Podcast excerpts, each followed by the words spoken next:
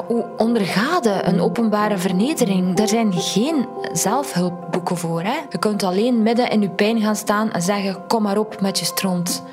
Kom maar op. Het doet mij niks. Maar het doet natuurlijk iets, want dat doet pijn.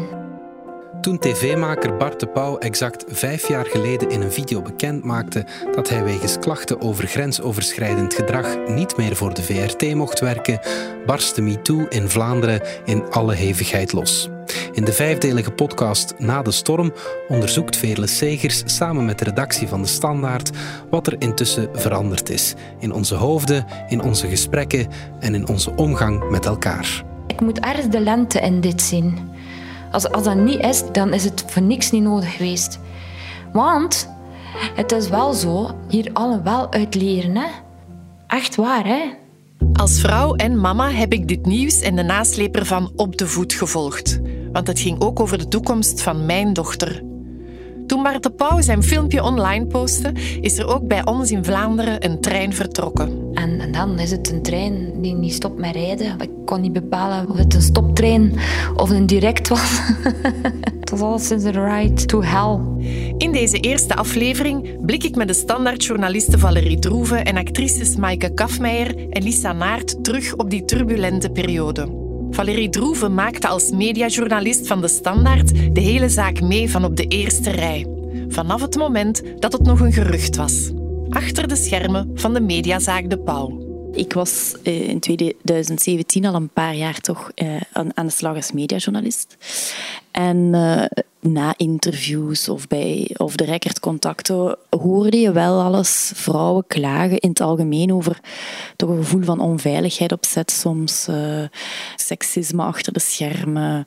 Maar wanneer het echt in een stroomversnelling is gekomen, en ik denk dat dat op de meeste redacties zo is geweest, is toen dat in 2017 de hele affaire Weinstein losbarstte. We hebben daar heel veel over geschreven. Iedereen heeft zich toen ook meteen afgevraagd van, is dit nu eigen aan de entertainmentsector, is dat eigen aan op, laat op set staan, actrices die gevoelens moeten vertolken, uh, de aard van de job. Uh, dus werd er hier op redacties op dat moment ook heel erg naar film- en mediajournalisten uh, gekeken. Ik herinner hier mij nog heel goed dat mijn nieuwsmanager, lieve Sioen, mij vroeg van kijk Valerie, we hebben al artikels geschreven daarover in, in de judo-wereld, het waarder grensoverschrijdend gedrag daar we willen niet de krant zijn die hiervan weggekeken heeft als hier, straks over zes maanden een groot uh, schandaal losbarst. Dus bel jij eens grondig twee weken en een stuk gewoon rond bij, in de sector, echt specifiek met die vraag. Uh, zonder enige publicatieplicht. Hè. Meer van als, als, als hier zo'n case of cases zijn, hoe gaan we daar dan mee om? Wat gaan we daarmee doen? Uh, we, moeten we moeten dat voelen, we moeten dat weten. Het probleem was, als je begon te bellen, dat bijna instant die ene naam naar boven kwam. Dat was zo precies ja, aan het barsten. Je voelde dat. En dus ik ben blijven bellen, maar ik heb altijd zo... Ik kan, me heel goed voorbereid daarop en, en, en bijvoorbeeld altijd eerst met een sms'je of een mailtje proberen binnen te komen waar ik zelf nooit een naam op tafel legde. Dus eh, dat het altijd van hen kwam. En met een deeltje van de vrouwen die, daar, die al in de rechtszaal zaten, zoveel jaar later, heb ik toen al gesproken. Op dat moment publiceerden we niet uh, omdat we geen getuigenissen hadden die zeiden we willen dit in de krant, zelfs anoniem in de krant. Hè. Daarom hebben we dat op dat moment niet gedaan, ook omdat in, dat wel de lijn is van de krant, dat we daarin zeer voorzichtig moeten zijn. Zeker als je specifiek één persoon gaat aanvallen, ja, dan moet je echt een zeer sterke case hebben. En ook als die in de krant staat, mag die niet verkruimelen. Hè. Je getuigen moeten dan nog er staan en, en weten van wij zeggen dit. En ook al zeggen ze het niet met naam en toenaam, maar als er ergens gedubbelcheckt wordt of en niemand mag zich, mag zich terugtrekken nadien. En de boodschap was altijd heel duidelijk hebben geen zin om dat hier aan de grote klok te hangen. Dat gaat, we gaan dit verliezen. Dit, ja, eh, we zoeken een andere manier om, om hiermee om te gaan. In de loop van de, van de jaren was er mij wel hier en daar al te horen gekomen van... Dat meisje krijgt berichtjes van Bart Pauw en dat meisje krijgt berichtjes. Dus dat was mij wel, ja, gewoon, hoe gaat het aan de wandel hangen via uw collega's, dat kon je wel te horen. En ik, ik was me daar op dat moment nog niet van bewust wat voor een gigantisch radarwerk dat er daarachter zat. Maar dat blijft u wel bij natuurlijk, omdat dat ook iets heel persoonlijks in u raakt op dat moment. Dat je denkt, hè, maar dan uiteindelijk had Mike mij dat verteld wat er gebeurde op de set van het Showtime met Ella June. En ik had er ook al verhalen van gehoord. En dan, ja, je weet natuurlijk zelf hoe dat, dat is. En je weet, je weet dat dat niet leuk is. Je weet dat je daar ongelukkig van wordt en dat dat iets is dat op je drukt en dat je in een voortdurende staat van oplettendheid en ongemak brengt. Dus ik, ik denk dat het ook is omdat je, omdat je zo goed weet wat dat is. En, en dat je denkt van ja, maar dat is dan blijkbaar al zo lang aan de hand. Kan dat, dat kan ik niet goed mee, dat kan ik niet goed tegen. Dat vind ik zo onrechtvaardig. En een paar weken later, ergens rond de herfstvakantie, want ik weet nog dat ik op vakantie was geweest, kreeg ik het telefoontje van een bron van oké, ze gaan Bart Pauw zijn contract niet verlengen bij de VRT omwille van grensoverschrijdend gedrag. En dat is mij dan bevestigd en wij wouden dat schrijven. Mijn stuk was klaar. En wij belden, uh, mijn collega Tom Heremans toen belde naar Bart Pauw voor wederwoord. En die heeft die niet aan de lijn gehad. Twee minuten later stond dat filmpje online. Uh, beste mensen, ik heb een, uh, een heel belangrijke mededeling te doen. Een mededeling die ik niet graag doe, maar de huidige omstandigheden dwingen mij om, om ze toch te doen. Het is door deze videoboodschap dat op 9 november 2017 de bal aan het rollen gaat. Bart de Pauw wordt door VRT aan de deur gezet nadat verschillende vrouwen hem beschuldigen van grensoverschrijdend gedrag. Ja, toen zijn de poppen aan het dansen gegaan. Uh, ja, dan, dan merkte je wel dat dat een heel groot verhaal werd. We waren ook op dat moment nog aan het twijfelen van gaan we het brengen, gaan we het niet brengen, we moeten hem eerst bellen. Uh, maar goed, hij heeft dan het voortouw genomen in de communicatie. En dat heeft ons allemaal wel een beetje doen verschieten. Ik denk dat ze daar uh, bij de VRT ook heel erg van verschoten zijn. En eigenaardig genoeg gooit hij daar alleen maar olie op het vuur bij voor mensen die zich echt gedupeerd voelen. Want er zijn er altijd maar meer die zeggen, ja maar hallo... Nee, ja, maar nee, hè. want een van de vrouwen die, die hier in dit verhaal zit, um, uh, was zo van... Ik, ik keek naar tv, ik zag dat filmpje, die werkte op dat moment nog met hem samen. Je had zoiets, wat, wacht eens, wat? Hè? Dit is mijn verhaal. En ik heb het niet verteld. Godver... En, en, dan is er gebeurd wat er gebeurd is. Hè. Het parket van Mechelen start naar aanleiding van de uitspraken in de media een gerechtelijk onderzoek en doet een huiszoeking bij de VRT. Lisa Naert herinnert zich die dag nog heel goed. Die huiszoeking bij de VRT, dan, dan denk je, wat gebeurt er hier allemaal? Dan, dan wordt dat ineens ook zoiets... Um rechtelijke procedure. Dan, krijgt dat ineens een soort andere vorm. Dan is dat echt met onderzoeksrechters en een gerechtelijk apparaat dat zich daarbij begint te moeien. Dus dan wordt dat wel... Dat is gewoon heel intimiderend. Ja, de meeste mensen, allez, denk ik toch, komen daar niet mee in aanraking. Ik ook niet. Dus dat is iets dat boven uw hoofd gebeurt. Dat was ook het moment waarop er advocaten ingeschakeld moesten worden, legt Maaike Kafmeijer uit. Want ik dacht, ja, dat kan niet. Ik ga bij een vertrouwenspersoon, beroepsgeheim en zo. Maar ja, als zo'n onderzoeksrechter dat opentrekt, de, haar papieren of weet ik veel wat dat dan ook is, dan is dat vertrouwelijke informatie die ik niet in de krant wil zien staan morgen. Want dit is zo ernstig. Uh, je, je, weet niet, je hoort overal van lekken in de pers en mensen die...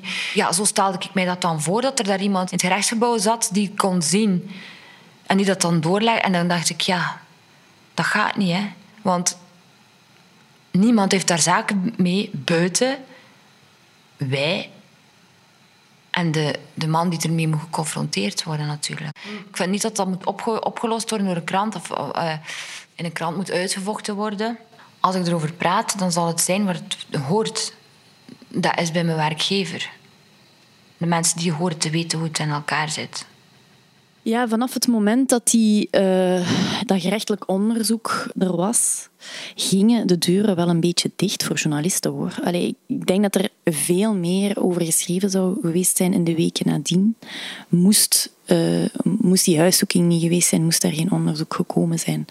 Ook omdat, en zeker die, schroom voelden wij als, als journalisten van de Standaard heel erg, van ja, nu moeten wij niks meer blootleggen. Laat het gerecht nu maar even zijn werk doen en respecteren dat dat nu ergens anders zat en uh, dat zij daarmee aan de slag moesten gaan. Maar als journalist probeer je dan toch een beter beeld te krijgen op hè, wie zit er in dat dossier, uh, wie... Dus je, je, je volgt dat in de lute wel op. Al heel snel voelde Valérie Droeve aan dat ze nood had aan een methode om met dit nieuws om te gaan. Ze haalde hiervoor inspiratie bij de Amerikaanse journalisten Jodie Cantor en Megan Twohey. Zij hadden ervaring met het ontmaskeren van Harvey Weinstein en ontwikkelden een eigen methodiek om als journalist met dit thema om te gaan. Die techniek bestaat erin bijvoorbeeld probeer nooit één vrouw te laten getuigen. Probeer verschillende vrouwen te vinden die je los van elkaar spreekt, die je niet met elkaar laat spreken, maar los van elkaar opzoekt. Je zegt ook niet tegen hen, uh, ik heb met die of die of die gesproken. Nee, je probeert verschillende getuigenissen echt apart van elkaar te vinden. Eén. Twee, hun getuigenissen checkt je zoveel mogelijk. Hè, als ze lastig gevallen zijn, uh, iemand heeft uh, proberen te kussen aan de lift of zo. En ze hebben nadat dat gebeurd is, naar hun liefje of hun vriendin gebeld. Dan belt je dat liefje en die vriendin herinnert je dat nog. Kunt je daarvoor vouchen dat dat gebeurd is.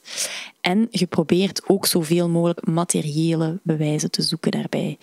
Uh, materiële bewijzen bij Weinstein waren bijvoorbeeld alle zwijgcontracten die, zij gevonden hebben, die Weinstein getekend heeft met vermeende slachtoffers. Dat, dat, was ook het nieuws wat zij destijds gebracht hebben. Ze hebben niet gebracht Weinstein rand vrouwen aan. Nee, Weinstein tekende elf zwijgcontracten met vrouwen rond grensoverschrijdend gedrag. Ze hebben wel de elementen van wat er dan in die contracten stond en wat er gebeurd is. Ze hebben dat gedubbelcheckt en ze hebben met die vrouwen gesproken en daarin geschreven. Maar het nieuws was, er zijn bewijzen. En ja, die methode heb ik ook altijd zoveel mogelijk gebruikt. Zelfs al was er dat gerechtelijk onderzoek als ik vrouwen benaderde om hierover te spreken. Ik heb al die sms'en, een heel groot deel van die sms'en bijvoorbeeld wel gelezen. Hè. Ik heb die gekregen. Maar ik heb de belofte van daar altijd voor te leggen, eh, altijd met hun goedkeuring te publiceren, maar in eerste instantie wel om wat zij zeggen te dubbelchecken. Is dat echt gebeurd? Maar zelfs dan nog merkte je dat die vrouwen heel erg bang waren voor de gevolgen van als wij met ons gezicht naar buiten kwamen. Want de meeste had ik natuurlijk al lang gesproken voordat de namen bekend waren. Ze wouden dat toch afwachten, hoe dat ging gaan. En plots heb je doodsangst dat dat gewoon op de straatstenen ligt en dat de, de, de media daar, daar gaat van maken en iets gaat van maken op springen en, en iets gaat over maken dat niet is wat dat het is. Begrijp ook wel de strategie. Um, hoe ongeloofwaardiger je een getuige maakt en hoe meer erop gebashed wordt van buitenuit, hoe uh, banger ze wordt en hoe meer dat je erop kunt vertrouwen dat ze misschien zwijgt of haar staart intrekt of, of ziek wordt of weet ik veel. Dus ja, de dingen die gelekt zijn, waren voor ons absoluut niet zo positief. Maar er was ook niets heel negatief voor de tegenpartij. Dus dan denk je, ah ja. Hè? Natuurlijk, je kunt dat nooit helemaal hard maken. Dat is een insinuatie misschien, hè? maar toch het was verwacht en het is zo gebeurd. Dat is een van de dingen die ik eigenlijk het meest chockerende vind aan de zaak. Achteraf gezien is hoe dat de vrouwen online zijn aangepakt nadat ze in de openbaarheid gekomen zijn. En zelfs nadat hij veroordeeld is nog. Ook bij de veroordeling is er daar zo, als je online keek, um, er zijn heel veel vrouwen die ook echt fysieke dreigbrieven hebben gehad. In de, in de bus uitgescholden zijn.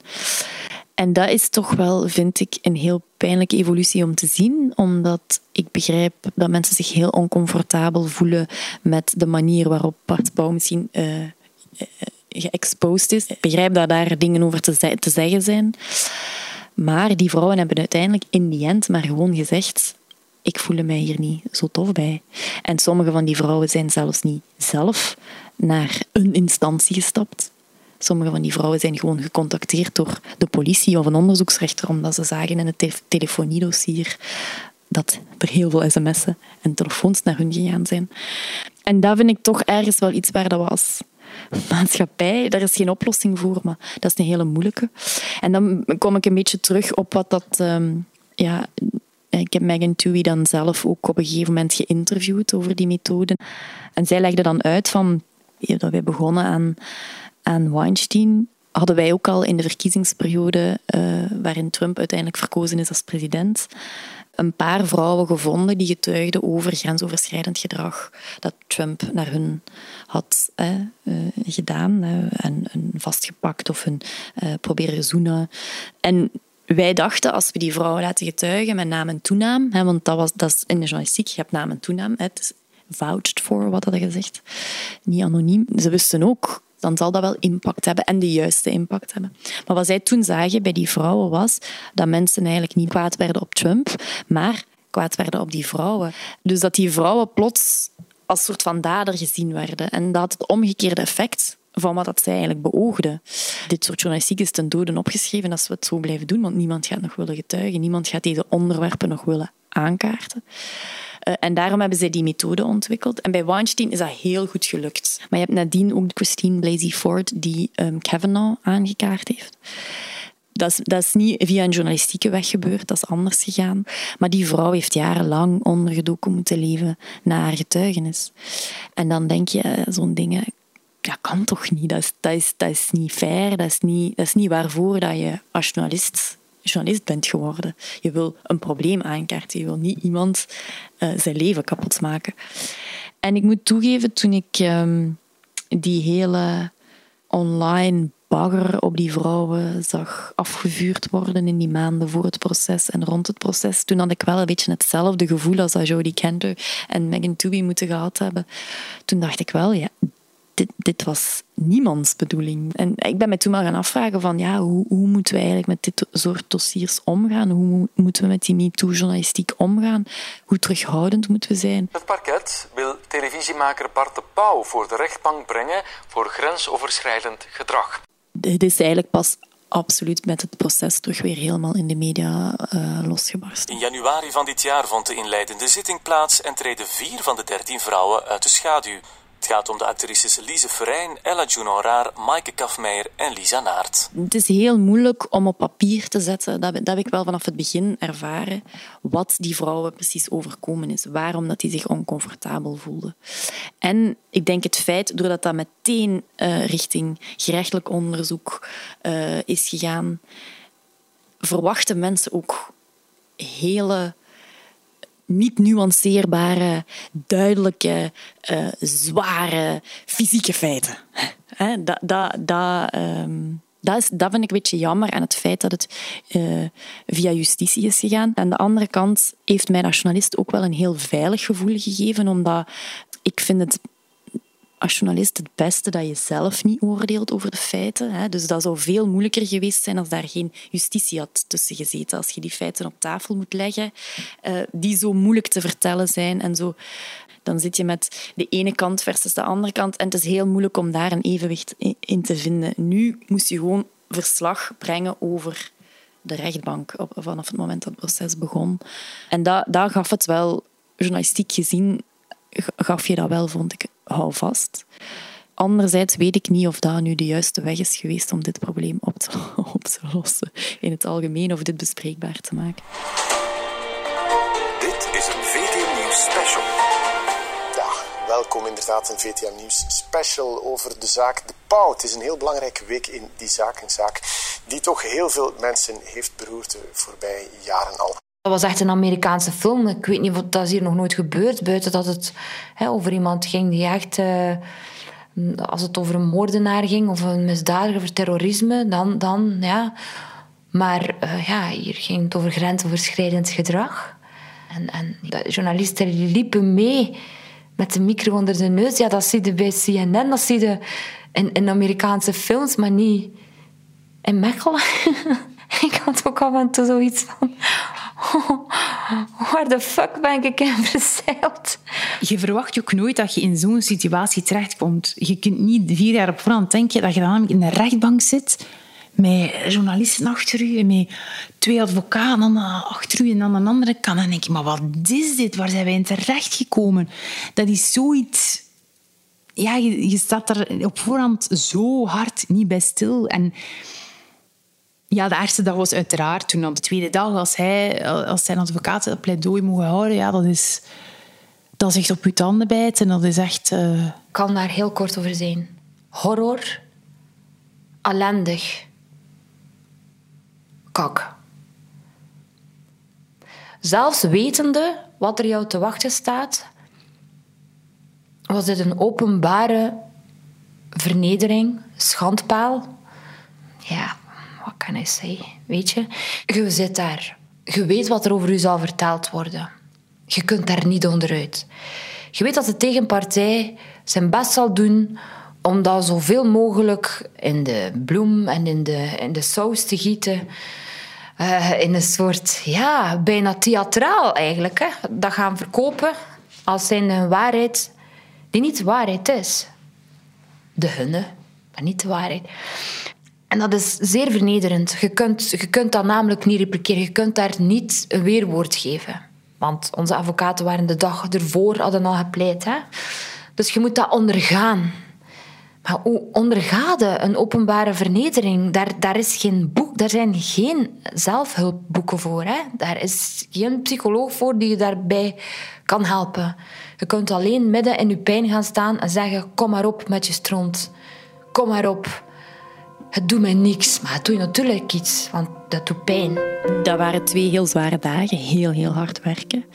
Het eerste wat mij feitelijk opviel was dat de vrouwen heel voorzichtig langs achter binnenkwamen in de rechtszaal en dat de pauw eigenlijk vanaf het begin heel zichtbaar is geweest. Al, zelfs niet die twee dagen van het proces zelf, maar ook voordien als er zo uh, de agenda moest vastgelegd worden. En zo hij aanwezig, sprak hij met de media.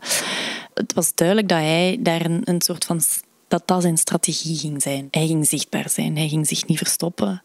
Dat viel mij heel veel op, dat hem, dat hem daarmee probeerde de massa eigenlijk op zijn hand te krijgen. Ik denk ook wel dat hij dat proces belangrijker vond voor zijn PR dan voor wat er uiteindelijk uitkwam. Dat was toch heel erg het gevoel dat ik kreeg. Hè? Het feit dat hij zo... Hè, ik loop hier over het straat op de stoep in Mechelen, terwijl er perfecte mogelijkheid was om dat te vermijden.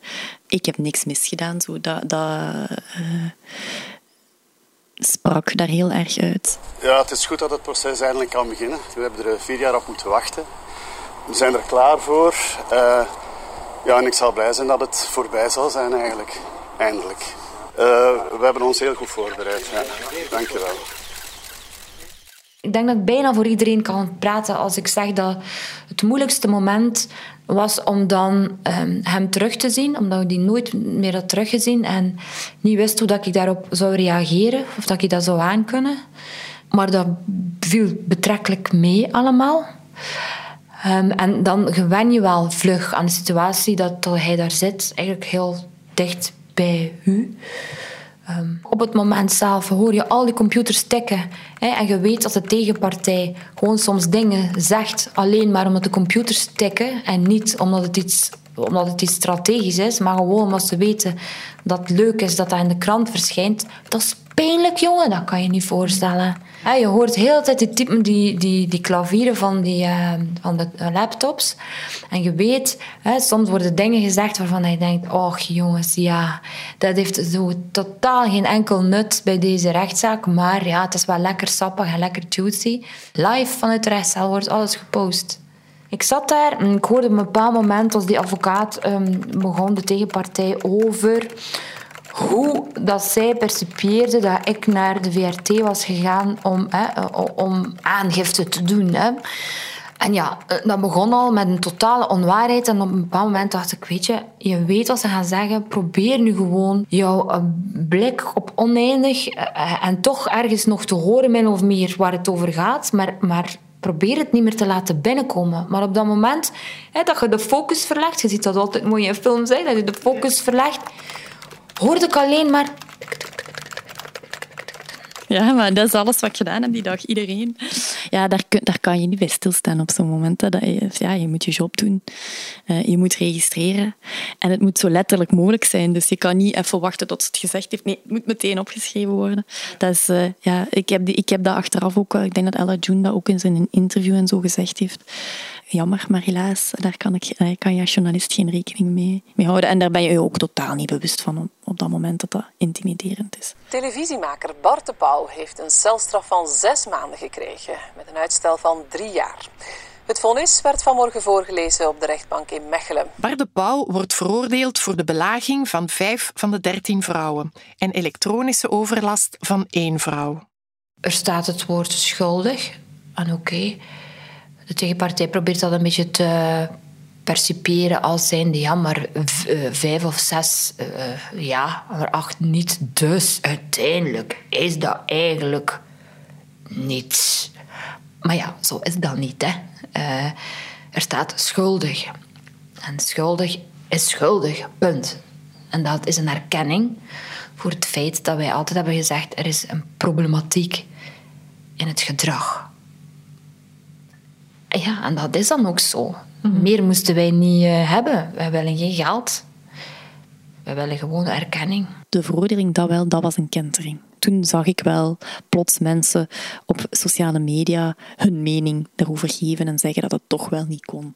Maar daarvoor is zij wel veroordeeld moeten worden. Om, dat was voor veel mensen toch nog een belangrijk uh, feit in deze zaak. Terwijl ja, zaken ho hoeven toch niet per se strafbaar te zijn, wettelijk strafbaar, omdat we daar ons kunnen over uitspreken en zeggen, hm, dit vind ik niet zo aangenaam. Of dat we de vrouwen niet aanvallen omdat ze het zeggen, maar gewoon oké, we luisteren naar uw verhaal. En, uh, dat, dat, dat was een heel, heel raar mechanisme om te ervaren eigenlijk als journalist. Het parket gaat niet in beroep tegen het vonnis in de zaak rond tv-maker Bart de Pauw. En daarmee valt nu definitief het doek over de zaak. Enkele maanden later, in oktober 2022, verliest Bart de Pauw ook voor de burgerlijke rechtbank de rechtszaak die hij had aangespannen tegen zijn werkgever, de VRT. Die rechtbank was in haar vonnis heel streng voor de tv-maker. Er staat: er is voldoende bewijs van het machtsmisbruik en het hoogst ongepaste, zware grensoverschrijdende en destructieve gedrag dat door hem op grote schaal en over een lange periode aan de dag werd gelegd, ten aanzien van meestal aanzienlijk jongere vrouwen in zijn professionele omgeving. Bovendien, zo stelde de rechter in het vonnis, bleek de pauw geen enkel schuld in zich te vertonen en niet bereid te zijn om maar de minste reële verantwoordelijkheid te nemen voor zijn daden dat was wel, ja, ik ga daar wel niet flauw over doen. Dat was wel heel emotioneel. Het was emotioneel omdat het zo droog en sec op papier staat. En als het op papier staat, is het altijd een beetje meer waar voor veel mensen. En contradictorisch genoeg voor mij ook. Ik heb ook aan Bart de Pauw gevraagd om met mij terug te blikken, maar hij verkoos om niet mee te werken aan deze podcast. Wat vinden Maaike en Lisa? Is het nu allemaal de moeite waard geweest? Het duurt, het lijkt alsof het gisteren was, alsof de tijd heeft stilgestaan, alsof er een soort van um, frozen in mijn leven is gekomen. En nu moet ik het laten het los doen, hè. Dat moet ik nog doen. Oh, ja het is wel tijd om het te kunnen loslaten en verder te gaan. En om hier iets uit te halen als maatschappij. Ik hoop echt dat er wetswijzigingen komen. Ik hoop dat er beter nagedacht wordt over vertrouwenspersonen. Ik hoop dat er mensen bij de politie komen die onderlegd zijn in het ondervragen van. Uh, um, ja, slachtoffers van, van, van seksueel grensoverschrijdend gedrag, grensoverschrijdend gedrag, toekoer. En Maaike Kafmeijer is niet moe gestreden. Ik wil achter het wetsvoorstel gaan staan om coercive control uh, strafbaar te maken. Um, omdat dat, ja, dat heeft mij enorm veel geleerd. Dat een dwangmatige controle van een andere persoon zodanig je leven kan bepalen. Dat jij denkt van ja, ik, het is mijn schuld. Dat is namelijk patroon dat ook heel veel eh, voorkomt in huishoudelijk uh, geweld. In de eerste plaats. En in Schotland en Ierland, en ik geloof nu in Engeland, is het ook strafbaar.